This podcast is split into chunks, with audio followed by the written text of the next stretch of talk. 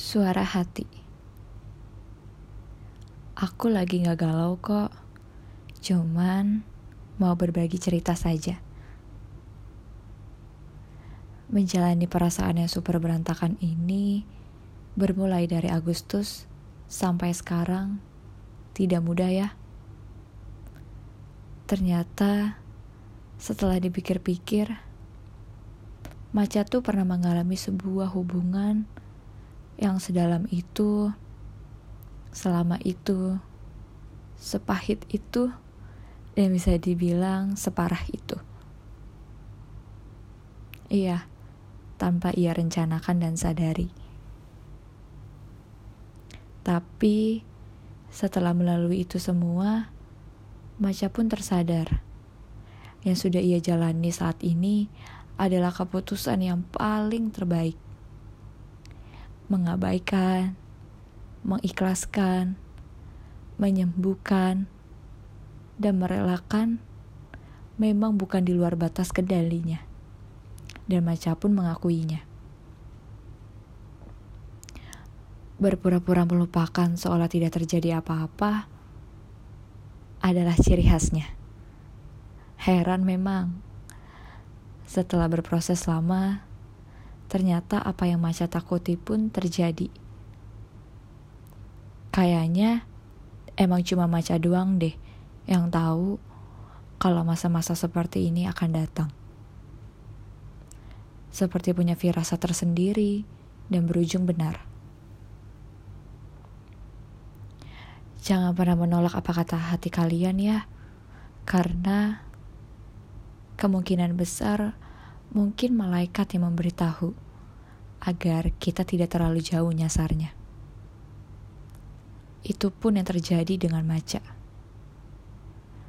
Maca lupa kapan tepatnya. Tapi seingatnya di tahun kedua atau tahun ketiga, ia sudah merasakan keganjalan suara dalam hatinya. Seperti ini kamu tuh tidak akan selamanya bersama dengan dia. Sudah, tinggalkan saja. Hah, begitu kata hatinya. Dan dalam pikirannya itu hanya sebuah intermezzo belakang. Hah, apa boleh buat? Namanya juga manusia. Pasti banyak ngeyelnya padahal mereka pun tahu. Sang kalitlah yang paling mengerti dan mengenal diri mereka sendiri. Dan akhirnya, Maca pun tetap menjalani. Iya, hubungan tersebut dengan segenap hati, pikiran, dan perasaannya. Mencintai ciptaannya melebihi penciptanya. Itu adalah kalimat yang menggambarkan si Maca di dua tahun kemudian. Dengan sangat berat hati, ia pun hancur sehancurnya. Ketika orang yang ia cintai saat itu pergi begitu saja. Marah semarahnya, menangis pun gak cukup buat mengeluapkan kekecewaannya.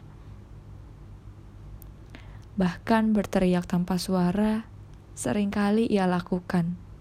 Tiap kali ia merasakannya, lagi dan lagi.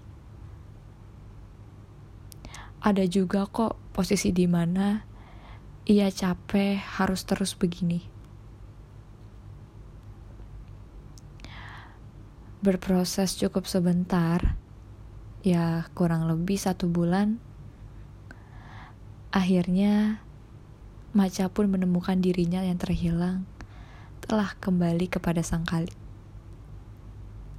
Dan dari situ membuat ia tersadar akan betapa pentingnya untuk mempercayai kata hati yang selama ini ia abaikan.